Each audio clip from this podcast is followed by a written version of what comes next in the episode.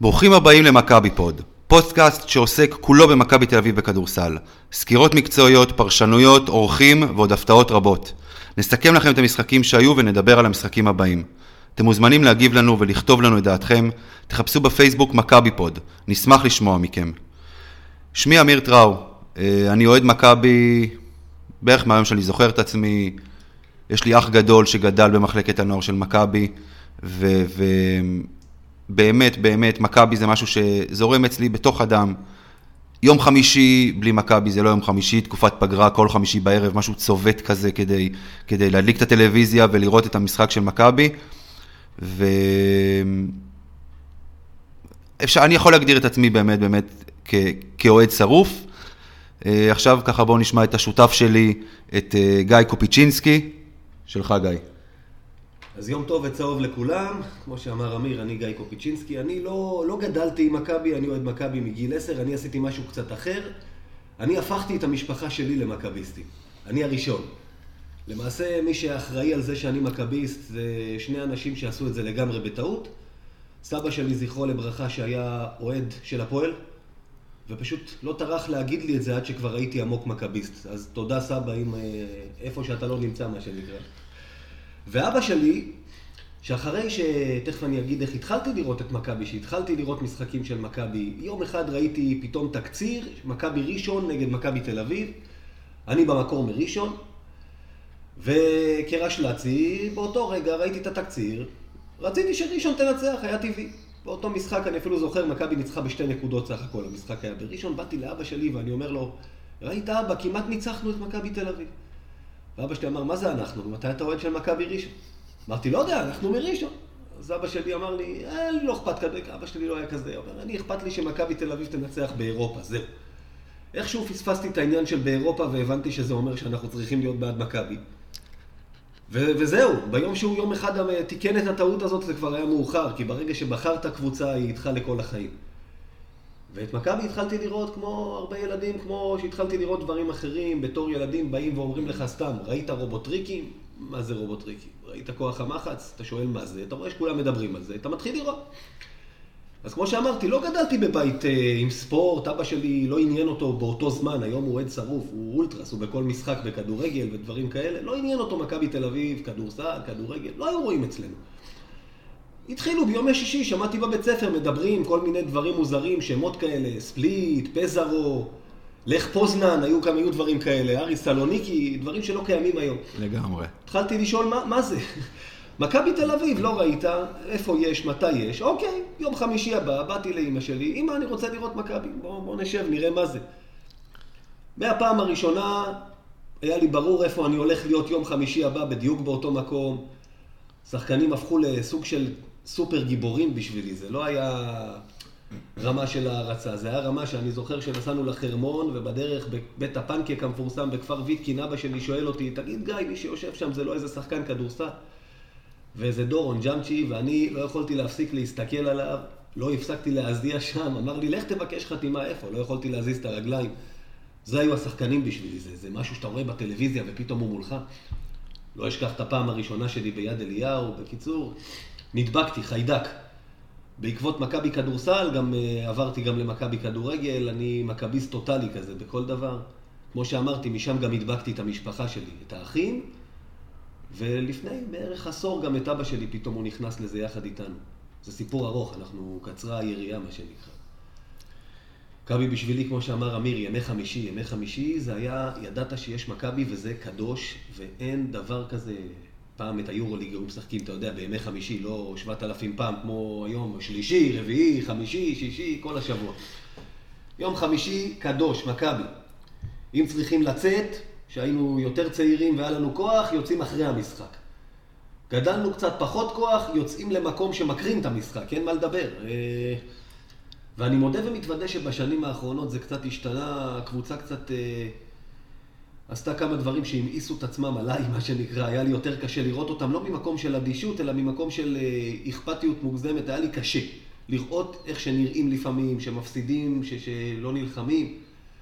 כי מכבי כדורסל היה בשבילי תמיד משהו של כבוד כזה, של גאווה, של אה, משהו מנצח, משהו שאתה יודע, יהיה לך יום יותר טוב, פחות טוב, אה, החיים האישיים שלך יהיו למעלה, יהיו למטה. מכבי כדורסל, אתה תבוא בערב, אתה תראה קבוצה ש- שגורמת לך לחייך. גם אם יפסידו, אבל איזושהי הילה כזאת שבלתי מנוצחת, ואוהדים של קבוצות אחרות מקללים אותך ושונאים אותך, ואתה כל פעם נותן להם את הנבוט בראש, ופתאום כשזה נסדק, היה לי מאוד קשה לראות את זה פתאום, שקבוצה מפסידה בסיטונות גם בליגה ו- ומאבדת תארים. אבל אה, ועל זה נדבר עוד מעט, המצב הוא לא כזה שחור כמו שהוא נראה. השנה חזרתי לעניינים, אה, אני מרגיש שיש קבוצה שעוד פעם מתחברת לאוהדים, נלחמת יותר, ויותר כיף לראות אותה, גם במשחקים פחות טובים. טוב, אז באמת בוא ככה אני נקשר קצת את מה שאמרת, את מה שאמרת עכשיו. אה, ככה איזושהי, לא יודע אם נגדיר את זה כסקירה, אולי סוג של הערכת מצב בכל מה שקשור למכבי. אה, אז באמת, נכון שמכבי... קצת קשה להגיד שמכבי של היום זו מכבי של פעם. אה, פעם באמת כל הפסד ליגה היה מצריך במינימום ועדת חקירה ממלכתית. אה, תמיד דמיינתי בראש איך אה, אחרי הפסד מתכנסת ההנהלה, יושבת בקצה אחד של החדר, המאמן יושב בקצה השני, ופחות או יותר עם שוט מלקים אותו על כל אה, אה, נקודת הפרש שמכבי הפסידה. אה, היום כבר באמת, זה, זה, זה לא ככה, ו, וצריך לקחת את זה באיזשהו סוג של ערבון מוגבל, כי נכון, הפסדים זה אף פעם לא נעים, בטח ובטח בליגה, כשלרוב לפחות אה, אה, מכבי היא קבוצה יותר טובה מהיריבה שלה. זה ככה קורה לפחות, זה, זה לפחות המצב ברוב הפעמים, אה, אבל מכבי היא עדיין מכבי, מכבי היא עדיין אימפריה. אה, בוא, תגיד מה אתה חושב על זה, גיא. אז אני אזכיר, אני את ההתבגרות הספורטיבית שלי עשיתי בשנות ה-90. וב-91 הגענו לפיינל 4, חטפנו 34 הפרש מברצלונה בחצי גמר, המשחק המפורסם של אה, יום הזיכרון, שנכנס לערב יום הזיכרון. כן, אבל אל תשכח שב-91 זה גם הייתה עונה בעייתית של אה, מלחמת המפרץ, וחצי מהעונה לא הייתה, לא, לא שיחקנו בישראל. נכון, נכון, אבל הכוונה היא, מאז לא היו פיינל פורים כל שנות ה-90. כלומר, אני לא גדלתי על הצלחות כאלה שכאילו, אתה יודע, כל השנה, השנה או השנים האחרונות, אה, התרגלנו לטוב משנות ה-2000, מצפים לפיינל פור כל שנה. לא היה דבר כזה. למעשה, חצי שני של שנות ה-90 התחלנו לא לעבור שמינית גמר. אז וואלה, היו שנים כאלה שהצלחה באירופה לא הייתה מובנת מאליה. ולא היו אז טענות כמו היום, כי הקבוצה בליגה לקחה כל הזמן את התארים, חלק מהעניין הוא קצת החוקים. בוא נגיד ככה, מכבי תל אביב לקחה ב-11 שנים האחרונות חמש אליפויות, שזה כאילו מעט מאוד במושגים ובסטנדרטים של מכבי. אבל אני חושב שאם היו סדרות ולא פיינל פור, קודם כל, שתי אליפויות לפחות נוספות היו לנו בעונה של 2010, גלבוע גליל גנבה לנו משחק אחד שברור שהיא הייתה קבוצה פחות טובה, 2013 היה השיא, מכבי חיפה. שקיבלה את הגמר גם אצלה בבית, בכלל בוא נקשור יד אחת למכבי גם, זה, זה מה שהיה. זה לא רק זה, הי- היו משהו כמו חמישה או שישה משחקים נגד מכבי חיפה באותה עונה, את אז כולם. 5-0 בדיוק. למכבי עד הגמר. 5-0, כן. כולל הגמר גביע, נכון. אז, אז הנה, אלה שתי אליפויות. אז בעצם, אם נסתכל על זה ככה, בצורה נורמלית היו 7 מתוך 11, על האחרות כבר אפשר להתווכח, לדעתי, דרך אגב. אה, בעונות שירושלים לקחה, היא כן לקחה, היא כן הגיעה לה, אבל אנחנו לא ניכנס לזה, זה לא פודקאסט של ירושלים. אבל אה, אז הנה, כמה קבוצות באירופה, בכל ענף ספורט, לוקחות אפילו חמש אליפויות ב-11 שנים, אולי יובנטוס או פריס סן ג'רמן היום בכדורגל, לא מכיר הרבה כאלה. אה, בגדול, תשמע, יש לך, עזוב, עזוב כדורגל, בוא נלך רגע לכדורסל. צסקה שהולכת צסקה למשל, אחד כן, לא לא, צסקה דבר לא בליגה. הרוסית, צסקה הרי משחקת בוויטב, בווטב. נכון. אבל אה, בסופו של דבר, אתה יודע, אני חושב שביוון אולימפיאקוס כבר יותר שולטת מאשר פנתנייקוס, לדעתי. ובוא נגיד ככה, בכל הליגות באירופה כמעט, אפשר לבוא ולהגיד שיש לך קבוצה אחת או שתיים ששולטות בליגה. זאת אומרת שאם לפני, ניקח לפני עכשיו כמה שנים טובות בספרד, שוויטוריה לקחה את האליפות עם, עם ליאור אליהו, למשל, זו הייתה הפתעה מטורפת, כי זו לא הייתה ברצלונה ולא הייתה ריאל. אה, אה, אבל בסופו של דבר, כשמדברים פה על, על, על, על כמה וכמה אלופות בשנים האחרונות, זה אך ורק בגלל סיפור הפיינל פור. זה אך ורק בגלל שאתה יכול להגיע ליום נתון, אם ניקח לשם הדוגמה, סתם, את המשחק אתמול של מכבי נגד אשדוד. אשדוד התחילה משחק בצורה מטורפת, בקליות שלוש מטורפות. התחילה עם. עשר שלשות. ביום כזה, אם אשדוד מגיעה לגמר, היא יכולה לקחת אליפות. לא משנה נגד מי היא משחקת, כל קבוצה בארץ. אשדוד פעם לקחה כמעט אליפות בשיטה הזאת, שמאיר טפירו שיחק אצלה, הייתה בגמר נגד מכבי, יכלה להיות אלופה, מועדון, אה, איך שהם נקראים, מכבי אשדוד. ראשון לקחה אליפות, מאזן שלילי בליגה, ממקום שישי. יפה. אז זאת אומרת, מה, שאנחנו, מה שבסופו של דבר יוצא כאן, זה, זה מכבי היא מכבי היא מכבי. מכבי בארץ, נכון שהיא איבדה תארים בשנים האחרונות. נכון ש... ש... לא פותחים, לא, עוד פעם, לא מקימים ועדת חקירה על כל הפסד.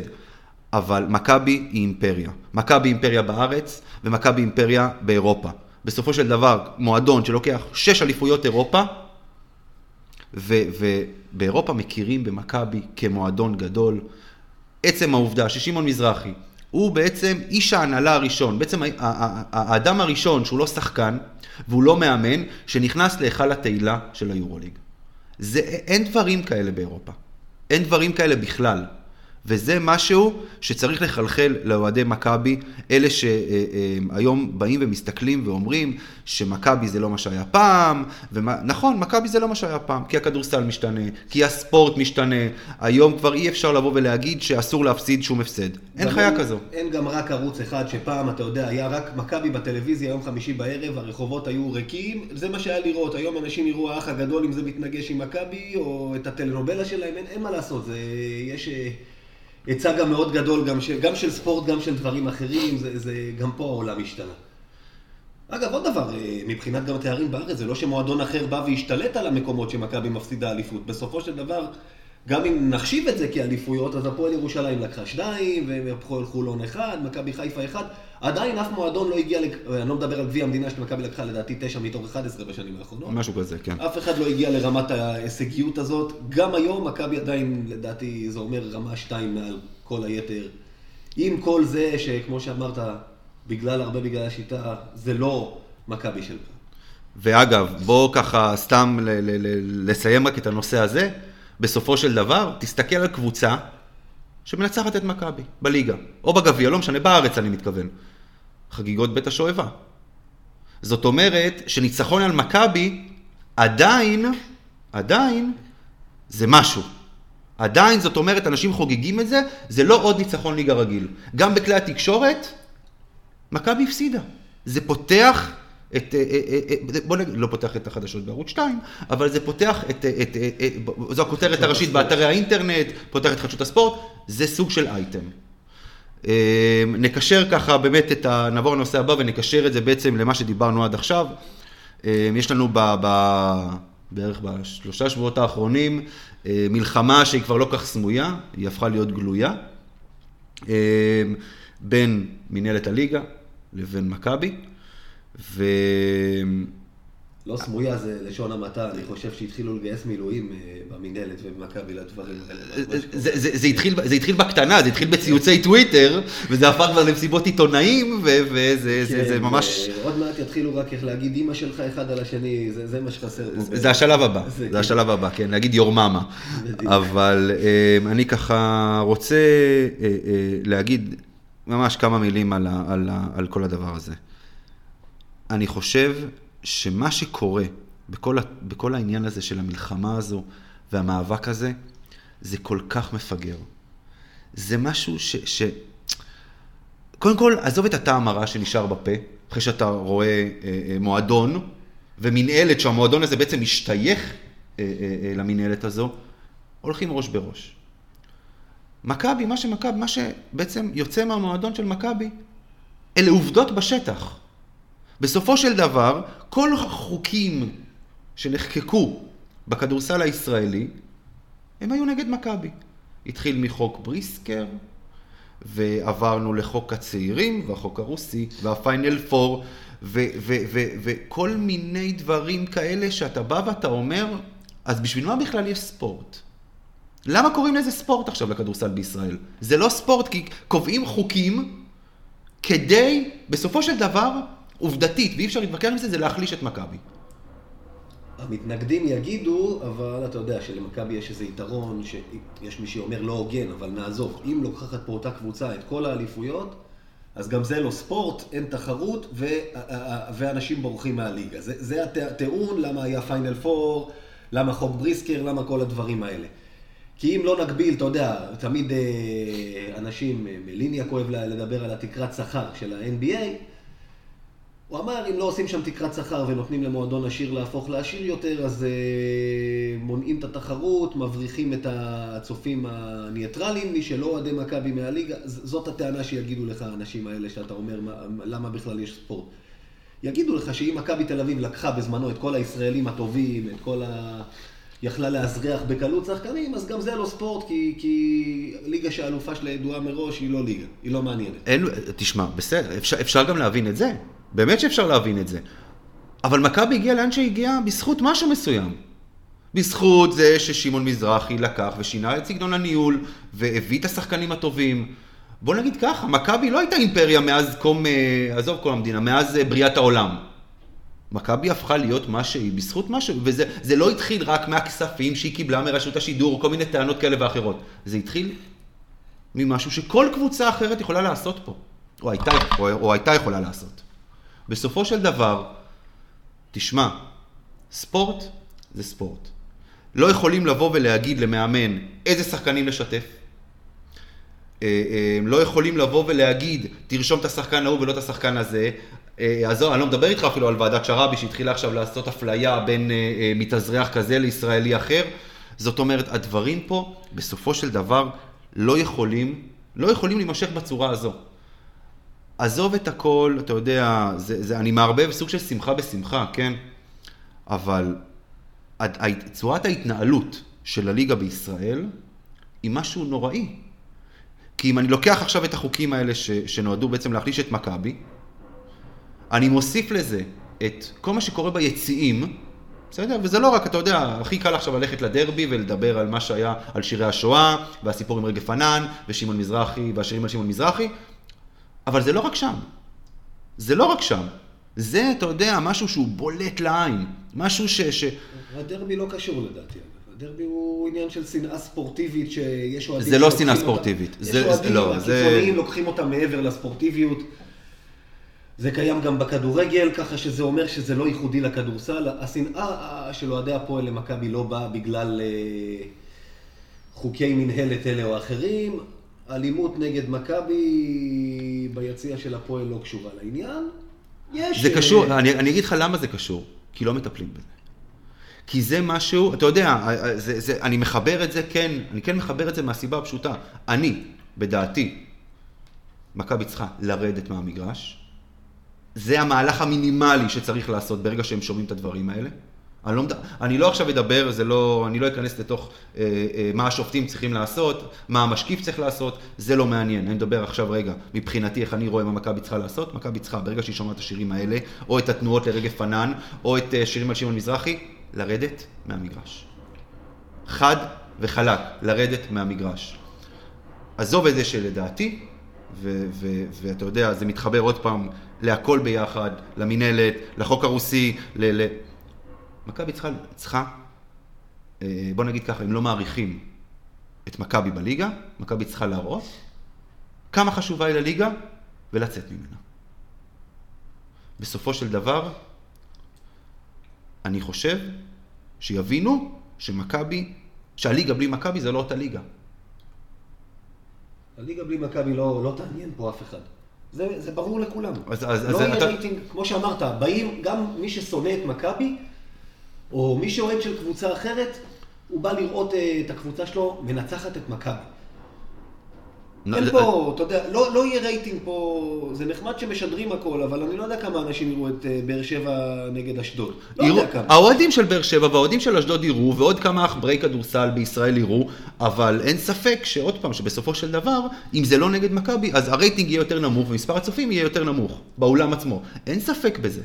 אני אגיד לך מה, אני מרגיש, אני לא יודע, שוב, אני, שנייה לפני שנחפש אשמים, תכף נגיד, אני לא, כמו שאתה אומר, האווירה הזאת, בטח הסכסוך הזה בין המינהלת למכבי שיצא עכשיו, וכל החוקים האלה, אני מרגיש שלא רק ש... עזוב עכשיו נתחיל לדבר תורם לכדורסלן הישראלי. אני מרגיש שהם לא תרמו בשום דבר לליגה הישראלית, ואולי, שוב, יבואו ויוכיחו לי בנתונים שהפוך, אז אני אגיד טעיתי, תחושה שלי, כמו שאני רואה את הדברים, זה שגם לליגה זה לא עשה טוב, זה לא הביא יותר קהל, זה לא הביא אה, יותר עניין. זה שבסוף מישהו יכול לבוא במשחק אחד נתון ולקחת אליפות זה אחלה. מבחינת העניין, יש פתאום פיינל פור, יהיה לו רייטינג ומעודדות וחסויות, אבל אנחנו משחקים פה שלושה סיבובים ואז זה לא מעניין אף אחד. הפועל חולון, עיר של כדורסל, עיר של ספורט. יש לה קהל, יש לה גרעין של קהל שאוהב את הקבוצה שלו, והפחים היה מלא, בנו להם אולם חדש ומפואר, וברוב הגדול, אני חושב 99% מהמשחקים, אם לא 100%, אפילו נגד מכבי, האולם הזה לא מלא. הוא לא מלא. מה שאומר ש, שאתה לא, לא מצליח אה, לסחוף את כל העיר אחריך או משהו, מה שאומר שכל העניין המזויף הזה עם הפיינל פור לא עוזר. אני בתור צעיר, ואני לא יודע אם זה קשור לגיל שלי ושהיה לי זמן לזה, או אולי בגלל שהיו פחות זרים, אני ידעתי מי משחק בכל קבוצה. אגב, בכדורגל למשל, אני עדיין יודע. כי בכדורגל יש לך אה, אה, מועד העברות, שמתחיל מתישהו ונגמר מתישהו, ובכדורסל מועד העברות מתחיל, מתחיל לפני העונה ונגמר לא, אי שם ב... אני יודע, אני יכול לדקלם לך את הסגלים של הקבוצות, ובכדורסל זה היה ככה, ישבתי פעם במסעדה בהרצליה, ונכנסו, אז בזמנו היו הזרים של בני השרון, אז היה בני השרון. היה אנשים, דודי איבי, אוסמן סיסר, רנצ'ר, כל מיני כאלה, ואני ידעתי מי הם. היום אני אומר לך שאני, למעט מכבי, אני חושב ש-90% מהשחקנים הזרים בליגה, אני לא יודע מי הם, הם מתחלפים כל כך הרבה וכל כך מהר. בדיוק. אולי גם יש יותר מדי מהם, אני לא יודע, תכף ניגע בעניין של החוק הרוסי. לא מכיר. אפילו אלה של הפועל ירושלים, שאני מכיר את כולם בשמות, אם אני רואה אותם ברחוב, אני לא יודע שזה הם. חוץ מהמרי, בסדר? בניגוד לפעם, אה, שידעתי בדיוק מי זה קני וויליאמס ומי זה דריק המילטון ומי זה נוריס קולמן, ידעת מי הם. אני מרגיש, ו- ואולי זה לא רק אני, אני מרגיש שלא הצלחתם לחבר את הליגה בצורה הזאת לאנשים. אז יבואו... שוב, זה הבעיה של הליגה. יפה, לא... אז יבואו אלה ויגידו, החוק הרוסי. יבואו אלה ויגידו שאנשים לא מתחברים לכדורסל כי יש פחות מדי ישראלים.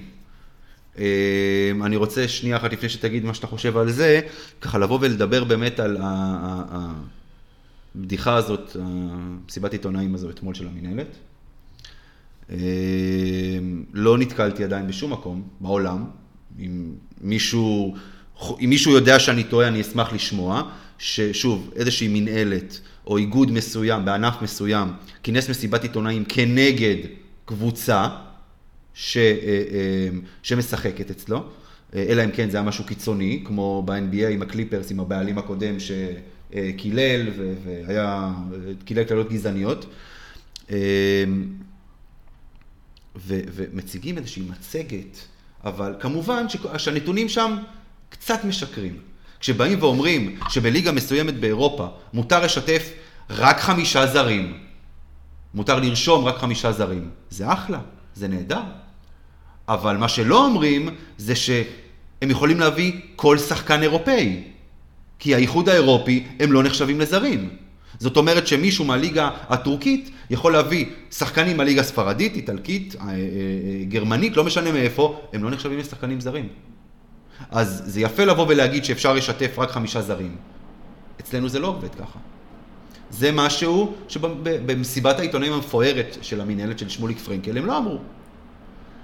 ו- ובסופו של דבר, אני חושב שבמבחן התוצאה, החוק הרוסי נכשל. לא, לא יכול לבוא להגיד מישהו ש... לא יכול לבוא מישהו ולהגיד שבזכות החוק, החוק הרוסי צמחו לנו פה פתאום שחקנים ו, והנבחרת מצליחה. הנבחרת נכשלה בקיץ. נכשלה. ובאליפות אירופה האחרונה הנבחרת נכשלה. היחיד שתפקד היה ריצ'רד האוול. לא, לא בדיוק מישהו שגדל פה על הבלטות בפתח תקווה. בדיוק, ו, ובסופו של דבר, עובדתית, עובדתית, החוק הרוסי נכשל. עובדתית אין שום מקום בעולם בסדר? לא באירופה, בעולם, שיש לך חוק רוסי. זה משהו שעוד פעם, וזה לא, לא משהו שעכשיו ש, שרץ כבר עונה או שתי עונות, שאפשר להגיד אולי זה עוד יוכיח את עצמו. זה כבר מספיק שנים, זה לא עובד, נקודה. ובואו נגיד ככה, שמעבר לזה, מדברים פה על המתאזרחים, זה רק מעודד התאזרחות של אנשים שלא בטוח שמגיעה להם אזרחות ישראלית על פי כל החוקים, נגדיר את זה בצורה הזו. אז אה, בוא נגיד ככה, אה, פה יש לי אולי קצת חולק עליך, לא על זה שהחוק הרוסי לא הצליח לקדם פה שחקן ישראלי. אני עכשיו, אתה יודע, זה, זה איך אומרים, זה... אכפת לי מהכדורסל הישראלי, אבל אה, חבר'ה, תעשו עוד תוכניות, ואתה יודע, פה יש הרבה רעיונות, וקטונתי, כן? בתור התחלה, אקדמיה לצעירים, אם אתה רוצה לפתח, אבל אני כן חושב, בעניין הזה, אני אחלק את התשובה. קודם כל, החוקים, יש חוק רוסי ויש פיינל פור, זה מה שעמד ב- ב- בלב מסיבות העיתונאים האלה של אחד נגד השני, מה שנקרא. אגב, שנייה אחת, אני, אני, אני גם אגיד עוד משהו, שאני חושב שככה, ממה שאני רואה ברשתות החברתיות, אנשים לא כך מבינים את הטענות של מכבי. מכבי לא נגד אה, אה, עניין אה, כמות הזרים, אה, למכבי אין בעיה לרשום חמישה או שישה זרים בטופס כל משחק. זה לא העניין של מכבי. מכבי באה ואומרת חד משמעית, אין בעיה, אתם רוצים לרשום חמישה זרים, לרשום שישה זרים, זה בסדר. אל תגידו לנו, אל תגידו למאמן יותר נכון, את מי לשתף בכל זמן נתון במשחק. מאמן לא צריך לעלות עכשיו עם חשבוניה למגרש ולהגיד, רגע, אני צריך להוציא, אני רוצה עכשיו להוציא את הישראלי הזה, אבל אז יהיה ישראלי אחד. אז רגע, אז לא, אז בואו נוציא את הזר הזה, נכניס ישראלי אחר במקומו, ואז נכניס... זאת אומרת, זה משהו שהוא לא נורמלי. מכבי חד משמעית אומרת, אתם רוצים חמישה זרים, רוצים שישה זרים? אין בעיה, אנחנו תומכים. זה גם בהודעה של מכבי שיוצאה אתמול אחרי מסיבת העיתונאים. אבל אל תגידו לנו לשתף כמות כזו של ישראלים בכל זמן נתון במהלך המשחק. תנו למאמן להחליט. עובדתית, הרבה פעמים מכבי משחקת עם יותר מישראלי אחד ויותר משני ישראלים על המגרש. עובדתית. תמשיך. העניין הוא מאוד מאוד פשוט, בסוף. חוק רוסי, אגיד לך משהו, אני אפתיע אותך, אני בגדול בעד, לא בגלל שאני חושב שזה מקדם את השחקן, אלא בגלל שאנחנו משחקים בליגה הישראלית, ואני לא חושב, באמת, זה לא ראוי בעיניי שישחקו פה חמישה זרים על הפרקט מול חמישה זרים בליגה, בליגה ישראלית. צריכים להיות ישראלים על המגרש, ואגב, הפשרה של היום, שישה זרים בסגל וחוק רוסי, שניים על הפרקט, היא בסדר גמור, היא טובה יותר ממה שכרגע דיבר עליה אה, פרנקל אה, שלשום, של חמישה זרים סך הכל בטופס, וישראלי אחד על הפרקט. אני חושב שזה יפגע יותר במכבי, כי מכבי בהנחה, הנה היום יש לך שמונה זרים, אז שניים יושבים בחוץ, אז יהיו לך שלושה שיושבים בחוץ. ככה באמת יותר קשה לתמרן בין יורוליג לבין ליגה, אתה באמת, זה לא אותה קבוצה, שכמעט חצי מהזרים שלך יושבים מחוץ לסגל כל משחק ואתה צריך לשחק איתם. היום יש קנדריק ריי שלא רשמו מראש, אגב, בעיניי גם אפשר לשחרר אותו ולתת לאבדיה לשחק גם ביורוליג, לא יזיק, אה, הילד יהיה מספיק מבוגר ויכול לשחק. ודבר שני, שוב פעם, אתה עדיין צריך לשים ישראלי אחד על הפרקט, זה פתרון כאילו יותר גרוע. עכשיו, מבחינתי, אגב, ישראלים זה ישראלים זה ישראלים, זה מי שמחזיק בתעודת זהות כחולה. אי אפשר לעשות איפה ואיפה בין מתאזרח ללא מתאזרח. יש חוקים במדינה הזאת, בואו נתחיל ככה. ג'ון די ברטולומיאו, יש לו שורשים יהודים. ג'יי כהן הוא יהודי. ג'יי כהן שיחק בנבחרת הצעירה של ישראל. הוא כבר מספיק שנים פה, זה... זה, גם זה... אם היה היום בן 30 ורוצה, הרי מתוקף חוק השבות יכול בן אדם, ואנשים אגב עשו את זה בניצול הכי ציני. אנשים שתכננו לבוא, לקבל את הסל קריבליטה ולברוח לארצות הברית עשו את זה, ועדיין המדינה לא עשתה עם זה כלום, כי החוק אפשר, והם אמרו, אז על האחד ל שעושה את זה זה בסדר, כי אני רוצה פה את היהודים. אז אתה לא יכול, בניגוד לחוק מדינה, שבן אדם יש לו את כל הזכויות של יהודי, ולהגיד לו, אבל אתה לא, אתה לא שחקן ישראלי, אתה שחקן זר.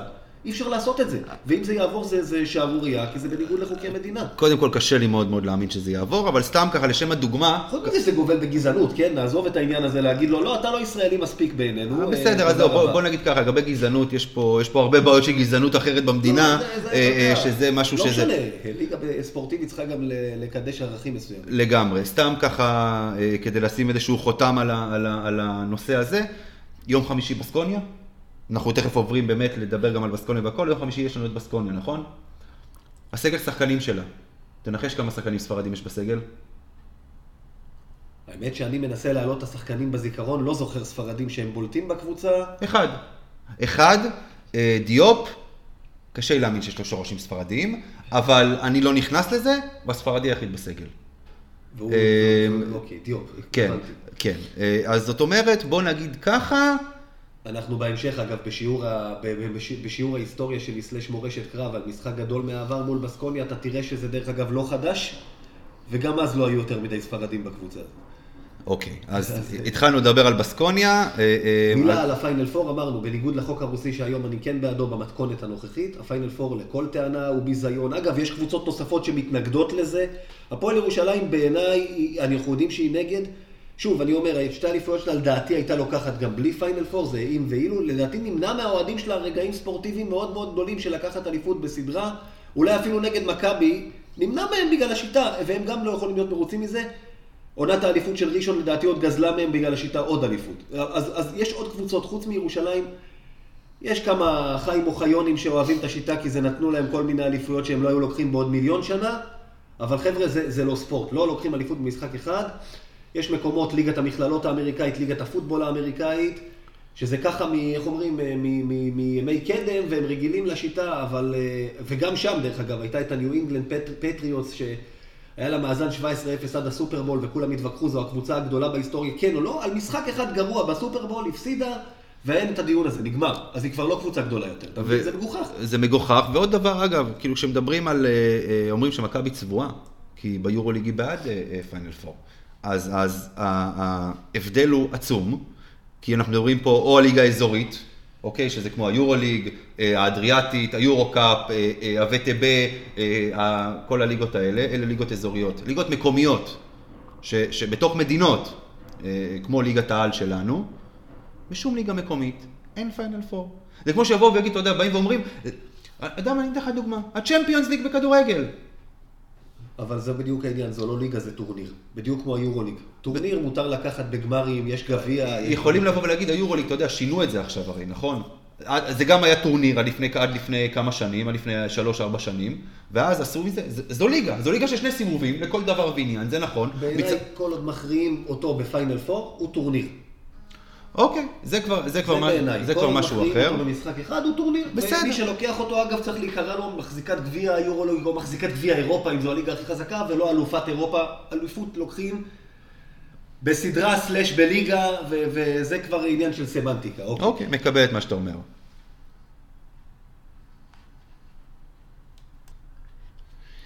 טוב, אז אחרי שככה אה, עברנו, דיברנו אה, אה, על בעצם, על כל המחאה והחוק הרוסי והכל, בואו ככה אה, נעבור לפן המקצועי יותר. אה, אתמול היה משחק אה, נגד אשדוד, וחבל שהיה את המשחק הזה, וחבל שהוא היה כמו שהוא היה, כי אנחנו לפני משחק מאוד מאוד חשוב נגד בסקוניה, ולהיגרר אתמול למשחק של שתי הערכות. מיותר לחלוטין, ואם נסתכל ככה באמת על הצד המקצועי יותר של המשחק, משחק לא משהו של מכבי. אומנם אה, התחיל בצורה מטורפת אה, מבחינת אשדוד, הפצצות משלוש וקליעות באמת מטורפות, אה, אם זה של טולפסן ואם זה של, של פול סטול, אבל בואו בוא נסתכל רגע על הצד החיובי, מכבי ניצחה. מכבי ניצחה. בוא נגיד ככה, מכבי הייתה צריכה לנצח את המשחק הזה ב-40 דקות, היה לה יתרון תשע שתי דקות לסיום, איך הצליחו לאבד אותו כישרון. בהערכה הייתה צריכה להפסיד את המשחק, ואשדוד בעטה בדלי. אחרי השתי החטאות עונשין של, של תום מעיין. כן, במקרה בהערכה כבר המשחק היה להם ביד, ו... אבל אל תשכח שלפני ההערכה הראשונה, זוסמן החטיא לאה, לא, לאה פשוט. אני אומר עוד פעם, ב-40 דקות מכבי הייתה צריכה לקחת, ואתה יודע, יש דברים, אתן לך דוגמה. השנה בכדורגל היה לנו משחק בגביע בטדי נגד ביתר, מכבי ניצחה אותו בדקה 92, והייתי מאוד מאוד שמח, לא בגלל שניצחנו בדקה 92 את ביתר, גם מזה, בעיקר שמחתי שלפני אה, משחק שלדעתי זה היה מול באר שבע, משחק מאוד חשוב, לא נגררנו להערכה. ולא שיחקנו עוד 30 דקות מיותרות שהיו מעיפות לי את השחקנים. מה שאגב לבאר שבע כן קרה מול ביתר תל אביב רמלה. אז אותו דבר, למה צריך להיכנס למצבים האלה לפני משחק כל כך חשוב, שתי הערכות לעזאזל איתכם, מה שנקרא? מה, ש, מה שכן, אבל גם בדרבי אה, נגררנו להערכה ובסוף ניצחנו את אה, פנתנייקוס. זה, זה הרגיז אותי מאוד גם, אתה יודע, הכדור היה באותו זמן, אה, הדרבי הוא נושא כאוב כי זה דרבי. אתה יודע, הכדור אצל ווילבקין, זרוק שלוש, ביום כזה שאתה פוגע ככה, זרוק שלוש. הייתי חי טוב יותר עם הפסד ככה מאשר בהערכה, ואם אתה קולע, אתה גם ביום כזה, הוא גם הוא היה קולע, אתה יודע, זו תחושה. אתה יוצא גדול, ניצחת ב-40 דקות. אותו דבר, אתמול לא היינו צריכים להימנע מזה. אשדוד גם שיחקה עם שבעה שחקנים, איך הם עמדו על הרגליים לשתי הערכות, איך הגענו למצב שהם בהערכה עוד המשחק היה אצלם ביד. זה חבל, כי שוב, אני, בסוף הדברים האלה התנקמו בך. ניצחנו את פנתנאיקוס על הכיפאק, אבל אתה יודע, הסגל היום גם ככה, ג'יי כהן רק הרי נפצע לפני יומיים בגלבוע גליל. אה, טיוס היה חולה, בוא, לא נאמץ אותם יותר ממה שצריך. נכון. כי פצוע, אתה יודע, לא, הסגל קצר יותר. תראה, ג'ק כהן בסופו של דבר בסדר, הוא עוד חזר למשחק גם ברבע האחרון נגד גליל, הוא, בסדר, טיוס היה חולה, אה, אה, אין ספק שאתמול, בסופו של דבר, מה שיצא זה ששיחקו עשר דקות מיותרות, אבל מצד שני, חוץ מזוסמן ודיברטולומיאו, אף אחד לא עבר את ה-30 דקות. וזוסמן צעיר, יש לו אנרגיות, אז הוא יכול בסופו של דבר לשרוף אותם. אה, אבל מה שכן, משהו, נקודה שכן אה, אה, חשוב לדבר עליה, זה ג'רמי פרגו. ג'רמי פרגו נגד, באר- נגד אה, אה, אה, גליל גלבוע, נתן משחק, ואתה אומר, תשמע, חיכינו לזה, התגעגענו לזה. זה מה שחיכינו לו כל העונה, וחיכינו לג'רמי, אה, אה, אה, ובאמת הוא נתן משחק לפנתיאון. בפרופורציות שמדובר על גלבוע גליל, זה לא משנה. לא ברצלונה. זה לא משנה. לשחקן שחוזר לשחק אחרי שלושה חודשים, גם לתת משחק כזה, גם אם זה נגד גליל גלבוע, זה משהו שהוא חשוב. זה חשוב לביטחון, זה חשוב. בוא נגיד ככה, ברגע שאתה רואה את ג'רמי פרגו נכנס לסל, אוקיי? אתה רואה אותו נכנס לסל, אחרי פציעה תמיד יש לך את החשש הזה.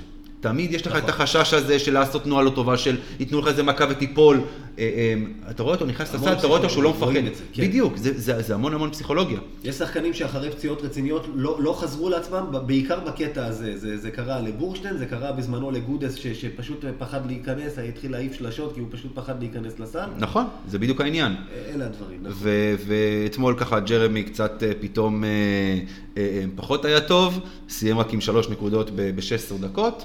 אה, אני חושב, אה, שוב, עד כמה שהמשחק הזה היה מיותר, אני חושב שגם השחקנים לא בדיוק היו בראש של המשחק הזה לפני המשחק מול בסקוניה.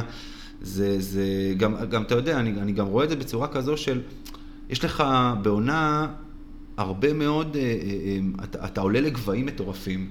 לשחק ביד אליהו מול פנתנייקו, לשחק ביד אליהו מול ברצלונה, אווירה מטורפת, באמת, האווירה של, ש, האווירה של פעם, של יד אליהו הישן, חזרה היום, ו, ו, ואז אתה מגיע ומשחק מול גליל גלבוע ומול אשדוד, ובלי לזלזל בהם, באמת, בלי לזלזל בהם, אשדוד נתנו אתמול אחלה משחק, אבל זה, זה, זה, זה, זה קשה, זה קשה גם לשחקנים מקצוענים ש, שמנוסים בזה כבר.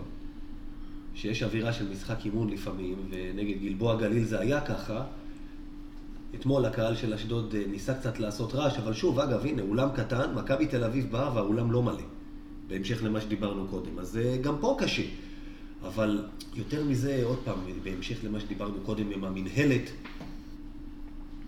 העומס הזה, עוד פעם, בלתי נסבל. עוד, עוד משחק במקום אימון, במקום אימון חשוב, בכל העולם ליגה מקומית עוזרת לקבוצות שלה שמשתתפות באירופה. לא עושה להם חיים עוד יותר קשים. כן, אבל עכשיו יש, את ה, יש הרי את הסכסוך בין, אה, בין יולב ל- נכון, ל- נכון. לפיבה. ראינו שכשהיה את הפגרת נבחרות האחרונה, את המשחקי נבחרות האחרון- האחרונים לדעתי, אז הייתה פגרה למשל בצ'מפיונס ליג של פיבה, אה, מה שלא היה למשל ביורוליג. נכון. זאת אומרת... היורוליג מתנהגת בבריונות, עושה לך, אוקיי, קבענו לו"ז חדש, פתאום שני משחקים בשבוע, שנה הבאה, בהמשך למצגת של המינהלת, העומס עוד יגדל. בדיוק. והם אומרים, זה המצב, ותקפצו לנו ולא מעניין אותנו. אתה צודק, אבל בסוף, את המלחמות האלה, אה, פיבה, יולב, זה, אתה עושה על גב של שחקנים, ואתה עושה על גב של קבוצות.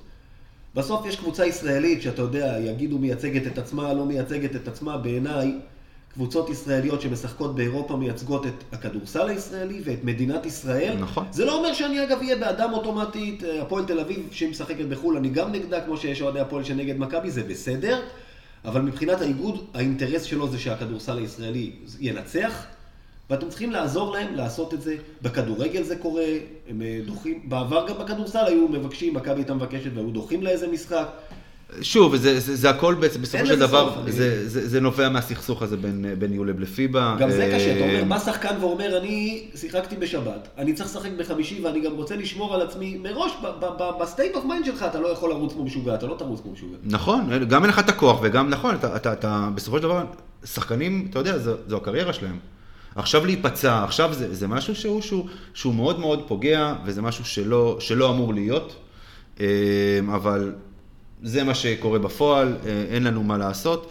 אה, ככה נמעיט קצת בשיחה האמת על, אה, על אשדוד. רק כי- מילה, מילה מקצועית נדבר אולי טיפה, 11 שלשות ב-26 אחוז, מכבי תל אביב, עוד פעם. 11 מ-42. גם בדרבי אתם זורקים יותר מדי שלשות נגד קבוצות בליגה שלנו. יש לנו מפלצת טאריק בלאק בצבע. וואלה, ביורוליג יש גוף לשים, יש גופות לשים עליו. בליגה שלנו, אתמול היה את שושי. עם כל, עם כל הכבוד לשושי, כן, שזה- עם כל הכבוד, באמת, ו- ושיחק יפה, אבל... אבל- שיחק אחלה משחק שושי. הבן אדם מפלצת, תן לו כדורים. אתה יודע, אני זוכר את הקבוצה הגדולה של, של פיני גרשון של אה, 2003-2004 ו-2004-2005. היה לה פארקר, היה לה שרפ, היה לה שרס, היו אנשים שידעו לזרוק מבחוץ, ידעו לשים את הכדור בחוץ. ההוראות היו כדורים לבויצ'יץ' לבסטון, כדורים פנימה, פנימה, פנימה, פנימה, כי זה היתרון שלך. תשמע, וויצ'יץ', אה. אה, וויצ'יץ', אני חושב שזה, הוא, הוא, הוא סנטר אה, יחיד במינו, באמת, גם בתקופתו וגם היום. אה, הוא היה מנהל משחק, הוא היה, הוא היה מנהל משחק לגמרי, אני חושב שקצת קשה להשוות אותו לסנטרים אחרים. אבל, אבל תראה, אני מסכים איתך שצריך לשחק יותר פנימה. מצד שני, אתה יודע, עוד פעם, שחקנים רוצים, לא, מפחדים להיכנס, מפחדים זה, אני, אני, ככה אני חושב, וככה אני רואה את זה. ועוד פעם, ואני בטוח במאה אחוז, בטוח במאה אחוז, הראש של השחקנים לא היה אתמול באשדוד. עם כל, שוב, ועם כל הכבוד לאשדוד.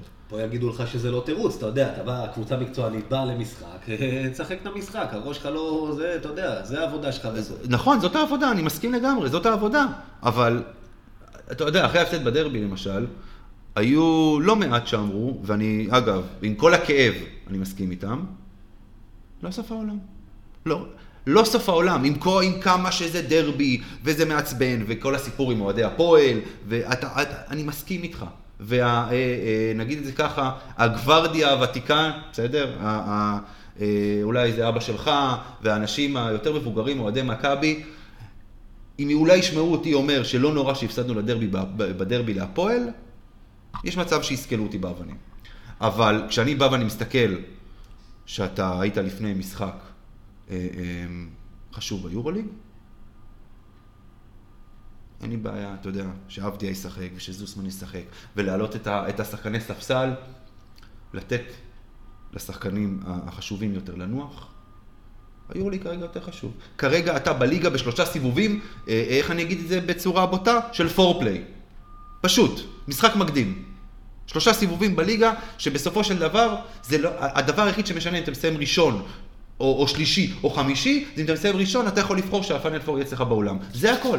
נכון. כל השאר זה לא אה, משנה. עוד פעם, הכל נכון, אני מסכים איתך, בסוף גם, כשאתה מסתכל על זה, בסוף העונה, אם בעקבות השתלשלות האירועים האחרונים נגיע להצלבה, אולי איפשהו אה, מותר לפנטז ונצליח יותר, באמת שאף אחד לא יזכור, הפסד בודד במשחק ליגה, היו הפסדים בדרבי. אבל באותה נקודה, אתה לא רוצה להפסיד בדרבי שוב, אני אומר לך, כמכביסט אה, בכל התחומים, שאתה גם רואה איך אמרת את האווירה לפני, אני אמרת קודם לרדת מהמגרש, שקוראים ככה, אני אף פעם, אני, אתה יודע, איך אומרים, אני תמיד האמנתי ש, שמה שצריך לעשות, אתה יודע, שמישהו היה, אם אתה משחק בשכונה ומישהו מנסה להקנית אותך ולעשות לך טרשטוק או כל דבר, במרכאות להיות ילד בכיין ולרדת מהמגרש, לא הפתרון, הפתרון שלי הוא אני. אני אחזיר לו במגרש. וזה מה שרציתי שהשחקנים יעשו. שרים שואה, עושים בלאגן, תנו להם בראש, תנו, תשברו להם את העצמות במרכאות אה, בצורה ספורטיבית, כסחו אותם 20 הפרש, סתמו להם את הפה. זה- לא הצלחתם, וואלה, איך אמרת, השחקנים האלה, זה, זה אחת הבעיות, שהם לא מכביסטים מלידה, והדרבי אולי לא אומר להם כלום, והיורוליג יותר חשוב, ובצדק. יצא משחק שהפועל באמת הייתה צריכה לנצח אותו הרבה קודם, הגעתם כבר למצב של לגנוב אותו, גם תגנבו אותו, זה יכאב לאוהדים של הפועל באותה מידה, תעשה את זה. בסוף אתה צודק, זה לא סוף העולם, גם אם היו מפסידים אתמול לאשדוד, שזה עוד אפילו פחות, כי זה גם לא היה מכאיב לך. לא סוף העולם. ניצחנו עוד יותר טוב, בסוף אמרת, כן חשוב להשיג את המקום הראשון, שהפיינל פור לא ספורטיבי ככל שיהיה, לפחות יהיה אצלך בבית ולא בארינה במלחה. זה מהבחינה הזאת. תשמע, אבל- אני, אני, אני, אני אגיד לך, סתם בשביל ככה באמת כדי לסיים את הנושא הזה, כי אנחנו רוצים לעבור לחלק באמת, אה, אה, אה, להתכונן לבסקוניה. קל, קל להגיד, אה, אתה יודע, שהאוהדים בקהל, אה, שהאוהדים יקללו וישירו שירי שואה, והסיפור עם רגב פנן ושמעון מזרחי וכל זה, ואתה על המגרש תתעלם ותיתן להם בראש, במרכאות בצורה ספורטיבית. אני רוצה להחזיר אותך כמה שנים אחורה למקרה סופו. יש אנשים, אתה יודע, יש קללות ש, ש, שנוגעות לאנשים ב, ב, ב, ב, בנימי נש, אה, נימי נפשם, נגדיר את זה ככה, וקשה להתעלם. אגב, ניצחנו את הדרבי ההוא. ניצחנו את הדרבי ההוא, אבל נשאר אבל... 80, נכון, אבל. נכון, אבל סופו היה מושעה, ואחרי זה זה יכול, זה יכול, זה יכול עוד לפגוע בך. עוד פעם, יש קללות שהן לגיטימיות, נגדיר את זה בצורה הזו, יש דברים שהם לא לגיטימיים. אין ויכוח, אין יפה, ויכוח, ו- אני לא התייחסתי ללגיטימיות, אני לא חושב שזה בסדר להגיד שואה, ובטח אז. בסופו שבן אדם יושב לו על האוזן, בתוך נכון, הזה, ואף נכון. אחד לא עוצר אותו, שאני אאנוס לך את הילדה, ואני ארצח לך את הבן, והם לא נכון. מרחיקים את הנבלה, הזה, סליחה, נכון. מהמגרש. נכון. זה עבודה של אבטחה, זה לא קשור. זה, זה... זה לא, זה לא עבודה של אבטחה, זה עבודה של משטרה, ו- כן. עבודה של משטרה ובתי משפט וכולי. נכון. אה, אה, אבל בוא, בוא אה, נסתכל קדימה. נתתי לך שיעורי בית. אה, קצת ככה להכין משהו על, על בסקוניה לקראת יום חמישי הקרוב, משחק מאוד מאוד חשוב. בסקוניה שמתמודד איתנו באופן ישיר על,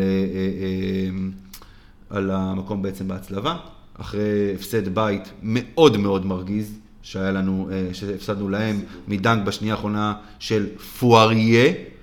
אה, לקח לי זמן ללמוד איך, פואריה, או פואריה, או איך שלא קוראים לו, אבל הוא שחקן מעולה, ומאז, אגב, מאז ששנגליה אה, נפצע, הוא העלה בצורה משמעותית את הסטטיסטיקה שלו. אין ברירה, מישהו צריך להיכנס למקום הזה. אתה יודע. כן, נכון, אבל בדרך כלל, אתה יודע, זה, הוא סנטר, הוא לא, הוא לא, בוא נגיד ככה, הוא לא תלוי בעצמו, הוא לא שנגליה שיכול לקחת עכשיו את הכדור לסל, אה, אה, אה, מקשת השלוש. מה אומר שמשחקים עליו? בהמשך למה שאמרתי על בלאק. מס- אומר שאם הוא, סנטר ורושם מספרים כאלה, זה אומר שהקבוצה משחקת עליו ובשבילו. תשמע, כי מ- היא מבינה שזה מה שצריך לעשות. מעבר לפואריה, יש להם אה, אה, באמת שני רכזים ברמה גבוהה, אם זה וילדוסה, שגם אה, נתן לנו קצת בראש ביד אליהו, ואוארטס הוותיק. כן, הם, הם, הם, הם מפעילים אותו בצורה יוצאת מן הכלל. אה, בוא ככה, בוא, תן, נו, ת, בוא, בוא, בוא, תגיש את שיעורי הבית שלך. אז ככה, קודם כל מילה, אמרת, יש לנו מהמשחקים שנשארו מסומנים שלושה. מילאנו, באיירן מינכן, בסקוניה, יריבות ישירות. אלה המשחקים שכמו שאמרו עד עכשיו, כל משחק הוא כאילו גמר גביע, אלה באמת ה must.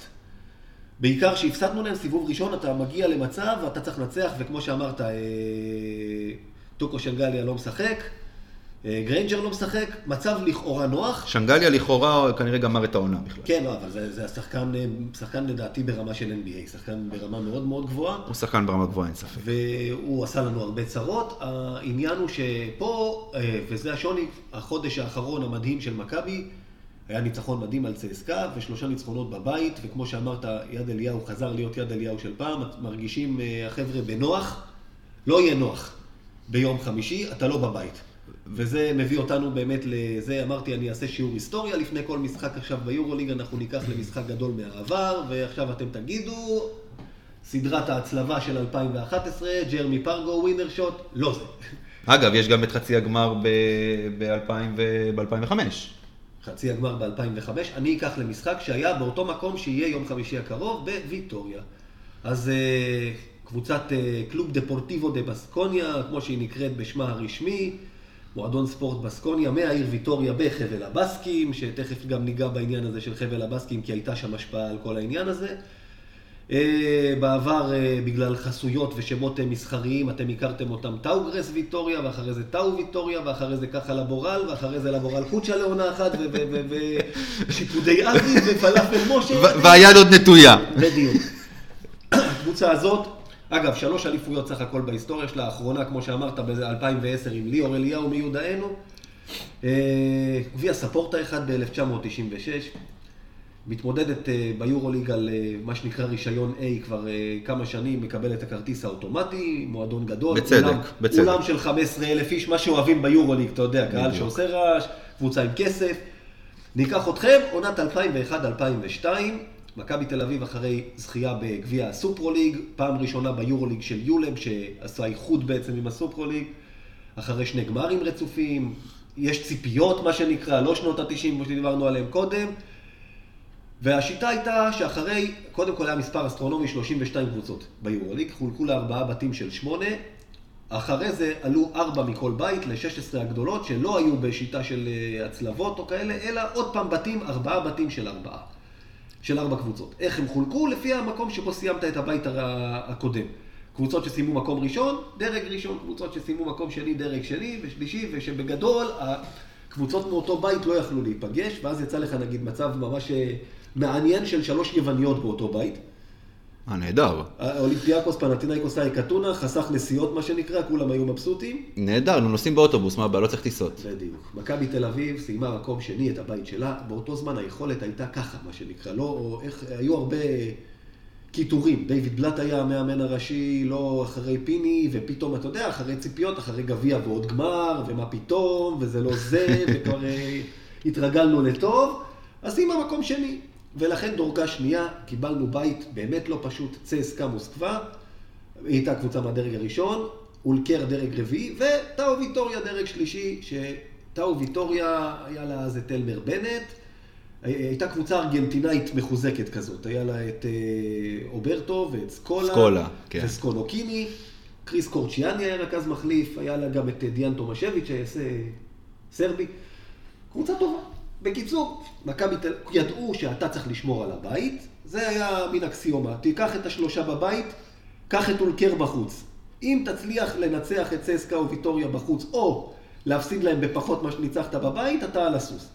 ואז הכל התחיל להתבלגן. משחק ראשון מול צסקה ניצחנו בנקודה, קשה. משחק שני, מארחים את ויטוריה, בבית. הובילו כבר 15 מכבי, והם באו באנרגיות, ראית את ההצגת שחקנים, קהל בטירוף, רבע האחרון, פתאום ויטוריה תפסה שם, איך אמרת, כמו אשדוד אתמול בהתחלה, כל שלושה. בנט ולורן פוארס, את הצרפתי שהיה אז, כל שלושה בתוך הסל שלך, פתאום הסל בגודל של ג'ורה. הגיע לזה שפארקר מעלה לשתיים איזה, זרק מוקדם, מה שנקרא, יצאו להתקפה האחרונה ופארקר החליט שהוא זורק איזה עשר שניות לסיום, השאיר להם זמן, חטפנו את השלושה, הפסדנו. בור. ואז, אם זה לא מספיק, צסקה באה מחזור אחרי, ניצחה בוויטוריה בלא פחות מ-14 נקודות הפרש, וניצחה את מכבי בשבע אחר כך. זאת אומרת, זאת אומרת, בבית משולש, אנחנו בקרשים. מה זה בקרשים? צסקה כבר עוד אין בית משולש, כי צסקה צריכה לבוא הביתה לנצח את ויטוריה, והיא עולה, ונגמר, המשחק נגמר במחזור הרביעי. אממה, פה אמרנו הדברים באמת התחילו ללכת לטובתנו, צסקה מפסידה בבית לוויטוריה ב-17 הפרש, יותר מ-14 שהיו. אולקר לא רוצה לבוא לארץ, ומכבי מנצחת 2-0, מה שנקרא תוצאה של כדורגל. בימים. ימי עופרת יצוקה. אה, כן, עכשיו- יפה. עכשיו זה ברור. ואז אתה מגיע למחזור אחרון, ותשימו לב איך אמרת, עכשיו מתחיל להיות בית משולש, ויטוריה עם מאזן 4-1 מקום ראשון, מכבי וצסקה מאזן 3-2. שצסקה מובילה על מכבי בגלל המפגשים.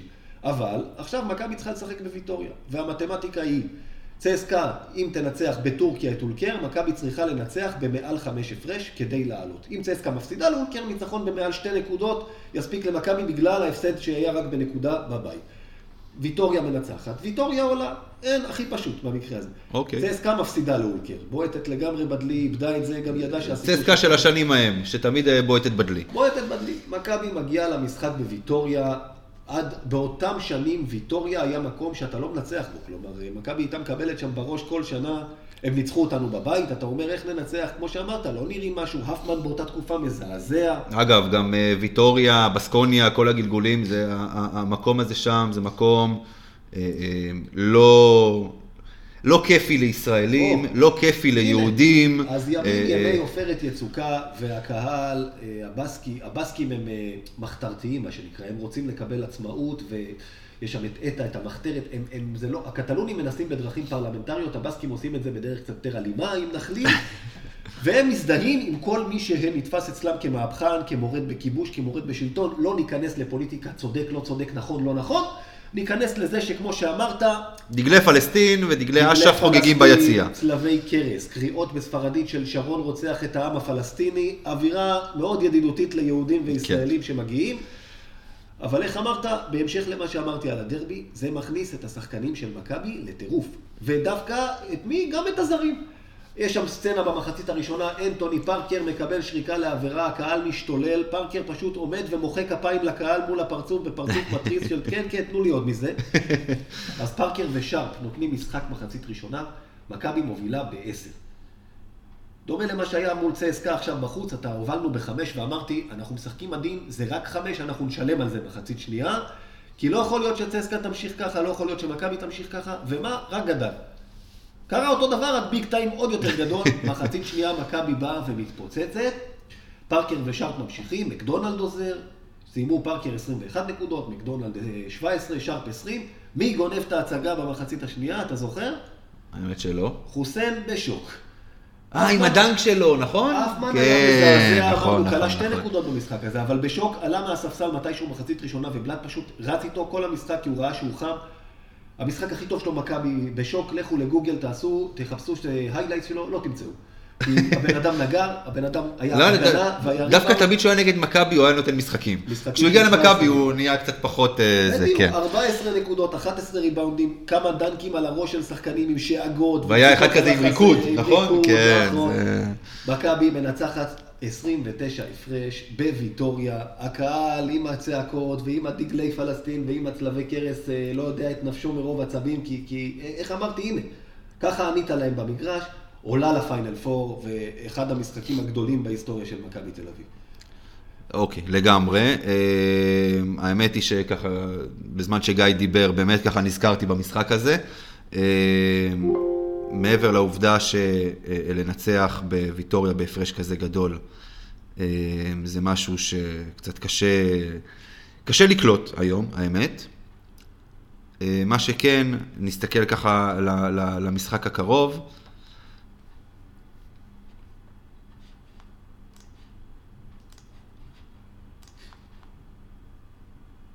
אז בואו ככה באמת אה, נדבר על, על, על מה ש... אה, לפני שנדבר על מה שיהיה ביום חמישי הקרוב, בואו נדבר על מה שהיה בחמישי אה, שעבר.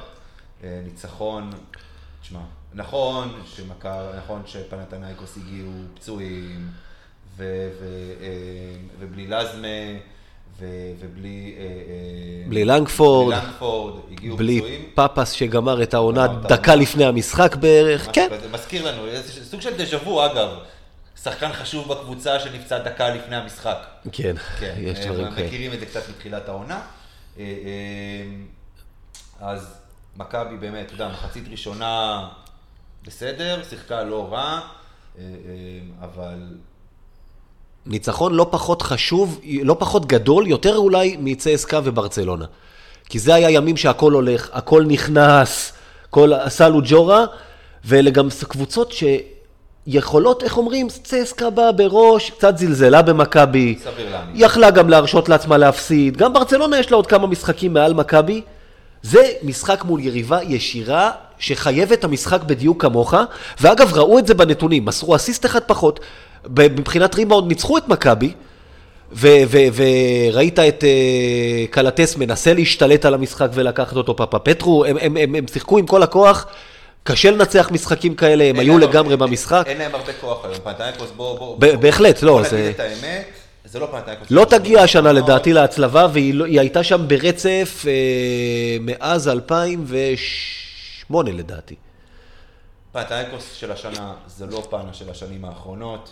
אה, אה, כנראה שהיה שם איזשהו כישלון אה, לא קטן בזרים, הסתמכו על זרים יותר מבוגרים, יותר עם ניסיון, נגדיר את זה ככה, ולמען האמת הם נכשלו, ואני מסכים איתך לגמרי שנגד ברצלונה ונגד צסקה זה באמת, אלה היו משחקים, בוא נגיד שהמשחקים שם, מבחינת יכולת מקצועית, הם היוצאים מן הכלל, באמת בגלל שהכל הלך, ונגד פנתנייקוס לא הכל הלך, וזה היה קצת יותר קשה, ועדיין מכבי שכנעה ומכבי ניצחה, וזה, אה, אני חושב שדווקא המשחק הזה ספציפית מסמל יותר עד כמה מכבי יכולה, בסדר? עד כמה מכבי כן יכולה לנצח את הקבוצות בדרג הזה, אה, אה, בדרג שלה, ואפילו דרג, אחד מעל, בטח ובטח ביד אליהו.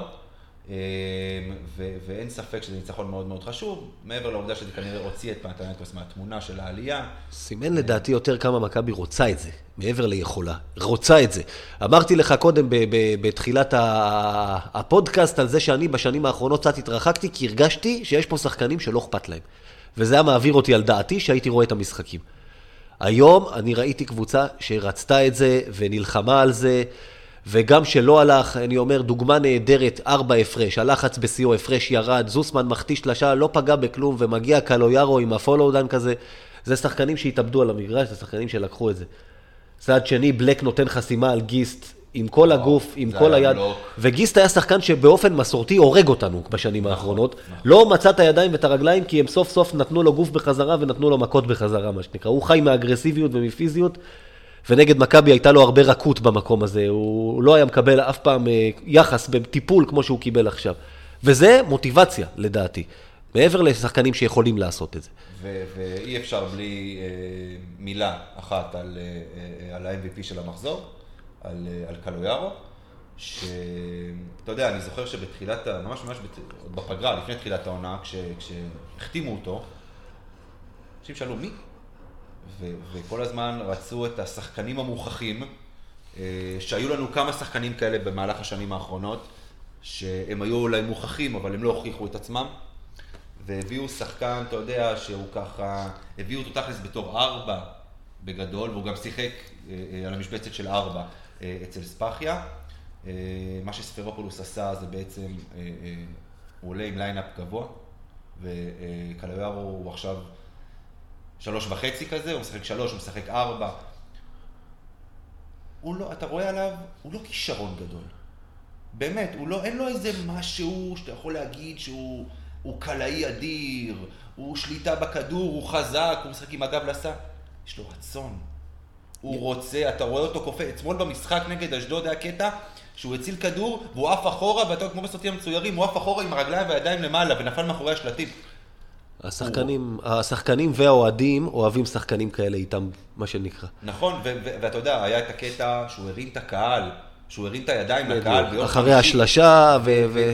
תשמע, באמת אני אומר לך, זה שחקן שאם אתה שואל אותי, אני לא מאמן, אני, יש לי ניסיון כשחקן הרבה שנים, אבל אני לא מאמן, אני מחתים אותו לעוד עונה, עוד שתיים, כי זה שחקן שצריך בכל קבוצה. זה שחקן נשמה, נגדיר את זה בצורה הזו. זה שחקן שאכפת לו, זה שחקן שהוא רוצה, ו- ומעבר לרצון והכל, הוא גם נתן וואחד הופעה ביום חמישי, 33 נקודות מד- מדד, 20 נקודות, 6, 11 ריבאונדים, סליחה, מדהים. והרוב של אותם נקודות מדד ו-20 נקודות בא ברבע האחרון. כשמכבי היו צריכים. בא שהיו צריכים בדקות, הנה, אני אומר, שבע נקודות רצופות. הפולו דנק, השלשה, שתי קליעות עונשין, שהפכו את זה ממשחק של ארבע למשחק של תשע, ולמעשה ניצחו את המשחק. האיש ניצח את המשחק. אגב, אמרתי עליו בתחילת העונה שהחתימו אותו, אתה אומר שאמרו מה זה ומי זה השחקן הזה, אני גם מזכיר לכולם מאיפה הגיע נייט הפמן למכבי תל אביב. אה, מפואנלברדה. אתה מדבר עכשיו על היסטוריה רחוקה. בסדר, אבל, אבל אני ראיתי את השחקן הזה ואמרתי לעצמי, זו יכולה להיות איזה סוג של גניבה, ואני עכשיו לא בא להגיד את זה כדי להשוויץ, כי גם על אה, לינהארט בזמנו וקיינר מדלי אני אמרתי אותו דבר, ווואלה, טעיתי. לא, קיינר מדלי הגיע כשחקן, אה, הגיע כשחקן מוכח. הוא הגיע כ-MVP של היורו-קאפ. הוא הגיע, בוא נגיד ככה, שחקן, אולי לא שחקן יורו-ליג מוכח, אבל שחקן עם איזשהו רזומה. נכון, נכון. הכוונה שהרגשתי שזה מישהו שייתן לנו איזה ערך מוסף ולא נתן, אז במקרה הזה צדקתי, אבל זה לא, שוב, לא כדי להגיד עליי, אלא אני, אני שמח פשוט שזה באמת ככה. כמו שאתה אומר, נכון לעכשיו, נראה שאני הייתי ממשיך איתו גם לעונה הבאה, כי אתה צריך שחקנים כאלה. אוקיי, ו- ובאמת ככה, אה, אה, עם הפנים קדימה, יום חמישי, כמו שאמרנו, משחק מאוד חשוב, מאוד קשה, סביבה עוינת, אולם קשה, קבוצה טובה, יריבה ישירה, שוב, שצריכה את המשחק הזה בדיוק כמוך. יריבה ישירה, אה, אה, שוב, שוב, אומנם היא מגיעה פצועה, אה, שחקן אחד מאוד מאוד משמעותי, שכנראה גמר את העונה, שזה שינגליה.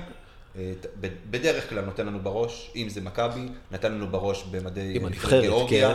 כן. גמר כנראה את העונה, משהו שהוא מאוד מאוד משמעותי. אולי זה ישכנע אותם שאין טעם בהצלבה, אתה יודע, זה יכול לעזור לנו בלעדיו. קצת אה, קשה לי להאמין שזה מה לא. שישכנע אותם, אה, אבל... אה, אבל הסיטואציה יותר נוחה עכשיו. אני, אם הוא היה משחק, הייתי אומר לך, יהיה קשה עוד יותר. אני חושב שעכשיו יש, איך אומרים, חלון הזדמנויות להמשיך את המומנטום החיובי. שוב, זה לא בנוחות של הבית, אני לא יודע מה, אז באמת אה, נשאר לנו פוארה, אבל אה, חוץ מזה, מה, מה לדעתך מכבי צריכה לעשות?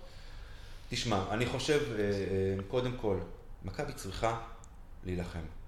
מכבי צריכה להשאיר, אה, אה, אגב, לא, לא רק במשחק הזה, בכל משחק, באמת, אתה, אתה, אתה בעצמך אמרת את זה ואני אני, אני חותם על כל מילה. אין לי בעיה, אין לי בעיה להפסיד משחקים גם ב-20 ו-30 הפרש.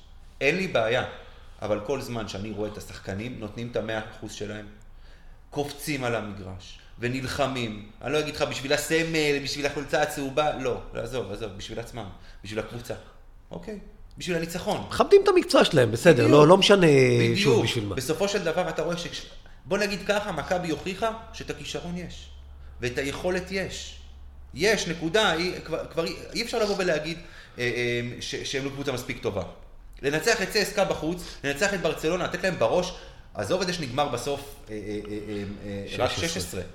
הובלת להם 38 הפרש. שלושה רבעים, אתה שיחקת משחק מהגדולים ביותר שנראו. שלושה רבעים. תקשיב, תקשיב, בוא ניקח ככה, תיקח את המשחק נגד ברצלונה, תיקח את המשחק נגד צסקה, אתה לא, שיח, אתה לא היית קבוצת יורוליג לגיטימית, היית קבוצת טופ יורוליג לגיטימית. נכון, נכון, נכון. ריק פיטינו הגדול בא לפני המשחק נגד פנאתינייקוס ואמר, אולי מכבי כרגע היא הקבוצה הטובה ביורוליג, נכון. משחקת את הכדורסל. לשמוע את זה ממנו, הבן אדם ראה דבר או שניים. כן, הוא כבר, הוא יודע מה זה כדורסל. ולא אה, מאמין שהוא אמר. את זה רק כדי להרדים את, את מכבי, אני מאמין שהוא לא, גם לא התכוון למה שהוא אמר. בשטח, אפשר להתווכח עם זה.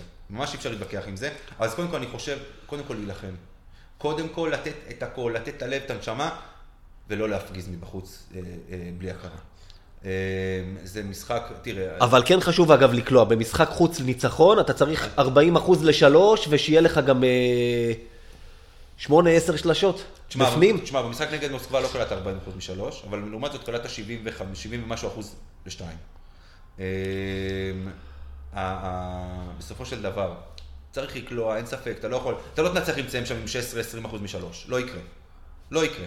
אתה צריך לקלוע משלוש, אבל אם תזרוק אה, אה, שלוש- 35-40 שלשות, אה, אה, ולא תק... ומכבי, עוד פעם, לא יקלעו כמו שצריך, אני לא מאמין ש... שאפשר יהיה לחזור משם מניצחון, צריך לשחק יותר פנימה, צריך לנצל יותר את היתרונות שלנו, לנסות, לנסות, לסחוט מפואריה עבירות.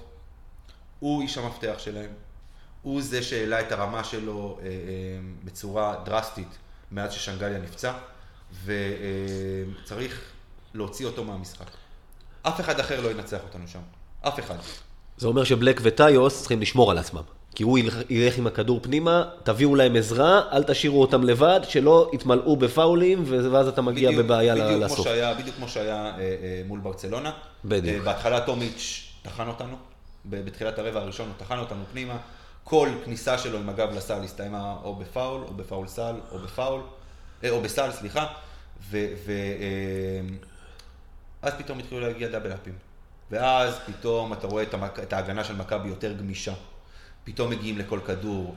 כבר לא, כבר לא כל, כל התקפה של ברצלונה מסתיימת במשהו חיובי מבחינתם, ויכול מאוד להיות שזה מה שצריך לעשות.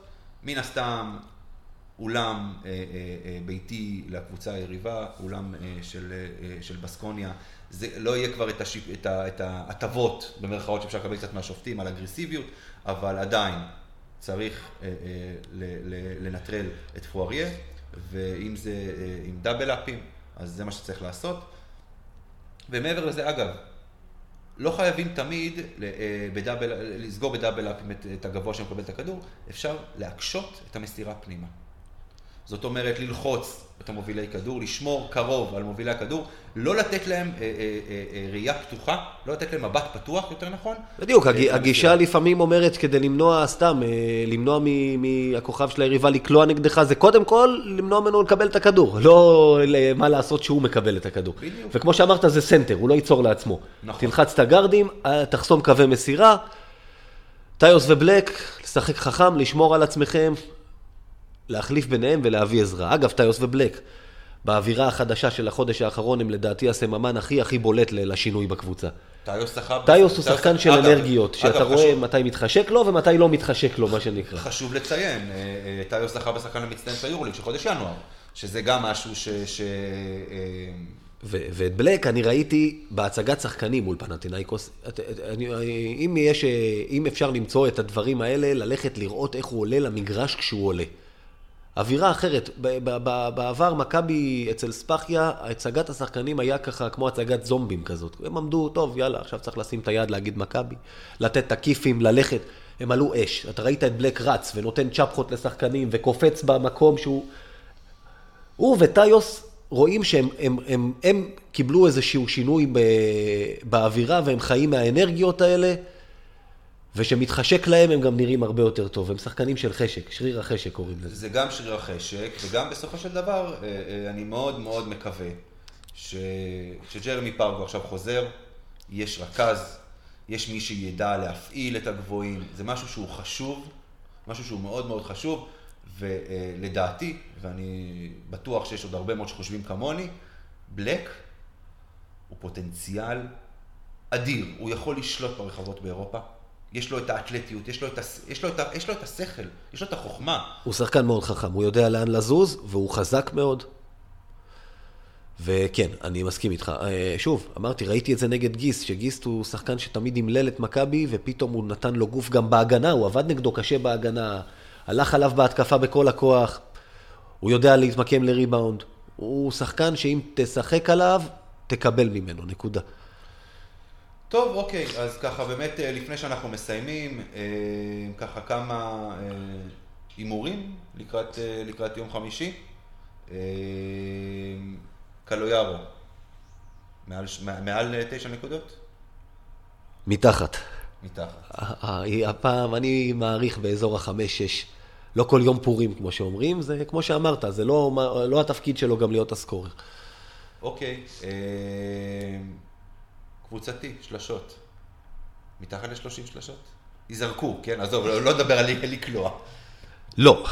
אה, תימשך המגמה, מה שנקרא, מהדרבי, מאשדוד, מכבי זורקת השנה הרבה שלשות, במשחקי חוץ לפעמים גם מרגישים יותר בנוח במקום אה, לעבוד פנימה ולהתמודד, אלא לזרוק משלוש, גם אמרת פה פואריה מחכה, יזרקו יותר משלושים.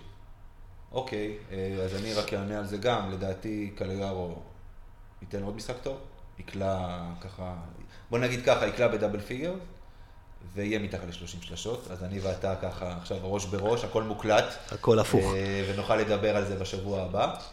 אה, וגיא, תודה רבה. מי אה, מנצח? אה, זה ברור, לא? אמרת הימורים, זה ההימור. מנצחים, מפסידים, איך, מה, כמה? אני, קשה לי מאוד מאוד להמר נגד מכבי. בטח ובטח בכושר הנוכחי שלה. אני אומר מנצחים, ואתה יודע, בוא נלך רגע על הימור לטווח רחוק, יש הצלבה? וואו, שמע, אם שאלנו את עוזר המאמן, הוא אמר שתהיה הצלבה. אני מרגיש שתהיה הצלבה, לגבי המשחק הספציפי הזה, קשה לי לדעת, כי כמו שאמרת, מגרש קשה, מתישהו גם הרצף הזה צריך להיגמר. אני, אני כל פעם, אתה יודע, יש תחושה, זה לא מבוסס על משהו, והיא משתנה מרגע לרגע.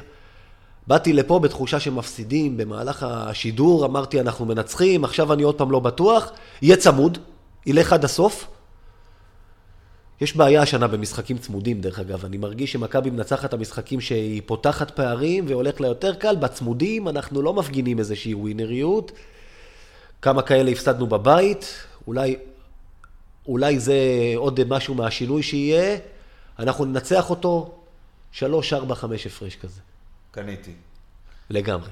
יאללה גיא, תודה רבה. תודה רבה לך. אה, וחברים, נשמח לשמוע את התגובות שלכם. מכבי פוד בפייסבוק, תחפשו אותנו, תגיבו. ביי ו... יאללה מכבי. יאללה מכבי, הכי חשוב.